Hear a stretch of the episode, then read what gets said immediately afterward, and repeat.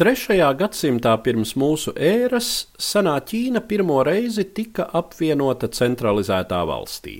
To paveica Ciņu dinastijas imperatori, kuru vārds kļuvis par pamatu šīs valsts nosaukumam daudzās pasaules valodās. Ciņu valdnieki bija izveidojuši savam laikam izcilu militāro sistēmu, attīstījuši efektīvu lauksaimniecību un aktīvu tirdzniecību. Viņu administratīvā sistēma balstījās meritokrātijā, amatu piešķiršanā, vadoties tikai no personas spējām un nopelniem, neņemot vērā izcelsmi. Tādējādi pat trūcīga zemkopja dēls varēja kļūt par pirmo ministru. Tomēr cīņu pārvaldes sistēma bija gausa un neelastīga, savukārt viņu ieviestie likumi izcēlās ar īpašu bardzību.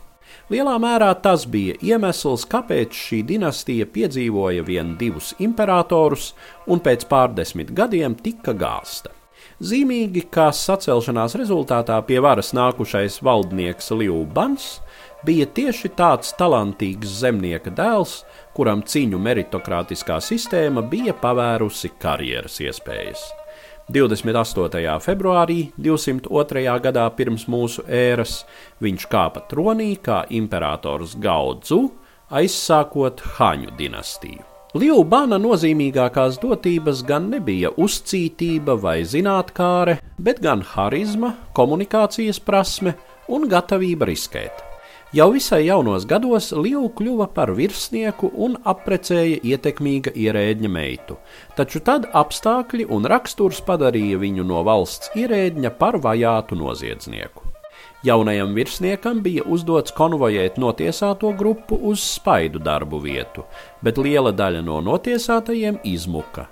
Liu draudēja nāves sots, un viņš rīkojās sev raksturīgā stilā atlaida brīvībā arī pārējos konvojētos un kopā ar viņiem devās bēguļot. Daļa no izmukušajiem apvienojās bandā un iecēla Liubanu par savu vadoni. Drīz pēc tam vairāki vēl nesen neatkarīgo ķīniešu valstu dinastiju pēcteči uzsāka sacelšanos pret ciņu varu, un Liu dzimtās Pējas pilsētas iedzīvotāji iecēla viņu par savu vadoni. Jaunisceptais Pējas kungs jau drīz vien komandēja veselu armiju. Liu patīkami atšķīrās no citiem nemiernieku vadoņiem, neļaudams saviem kareiviem laupīt un slepkavot, un pilsētas cita pēc citas bez cīņas vēra viņam vārtus. Galu galā kapitulēja arī galvaspilsēta Sjanjana, un pēdējais ciņu imperators Zīns padevās gūstā. Liubāna panākumi nebija paprātam nemiernieku virsvadonim Sjanam Jujam, kuram gandrīz izdevās organizēt Liu slepkavību, tomēr pēdējais izmuka. Novērtējis spēku samēru, viņš atvilka savu armiju no Sjanjānas un pieņēma viņam piedāvāto nomaļās Hanģunas pavalsts valdnieka Vāna titulu. Galvaspilsētu ieņēma Sjana Jūja armija bez žēlastības apkaudama iedzīvotājus.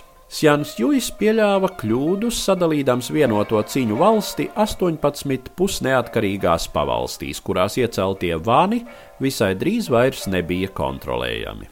Sjanam pastāvīgi nācās izkliedēt savus spēkus vairākās frontēs, kamēr Liubans piepulcināja jaunus sabiedrotos un pārņēma ar vien jaunus apgabalus.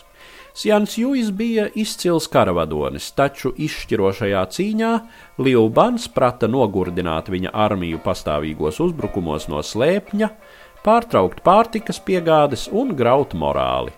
Galu galā lielākā daļa Sjana armijas dezertēja, un viņš pats pārspēka ielēgts pēc izmisīgas kaujas izdarīja pašnāvību.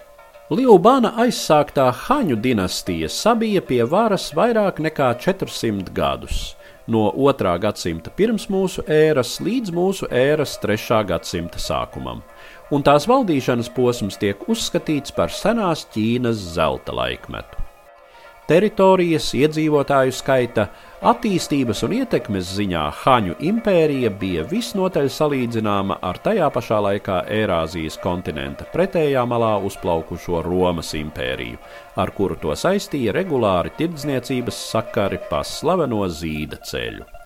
Haņu piemiņa Ķīnā dzīvo joprojām, jo lielākā daļa ķīniešu sevi arī mūsdienās dēvē par haņu ļaudīm.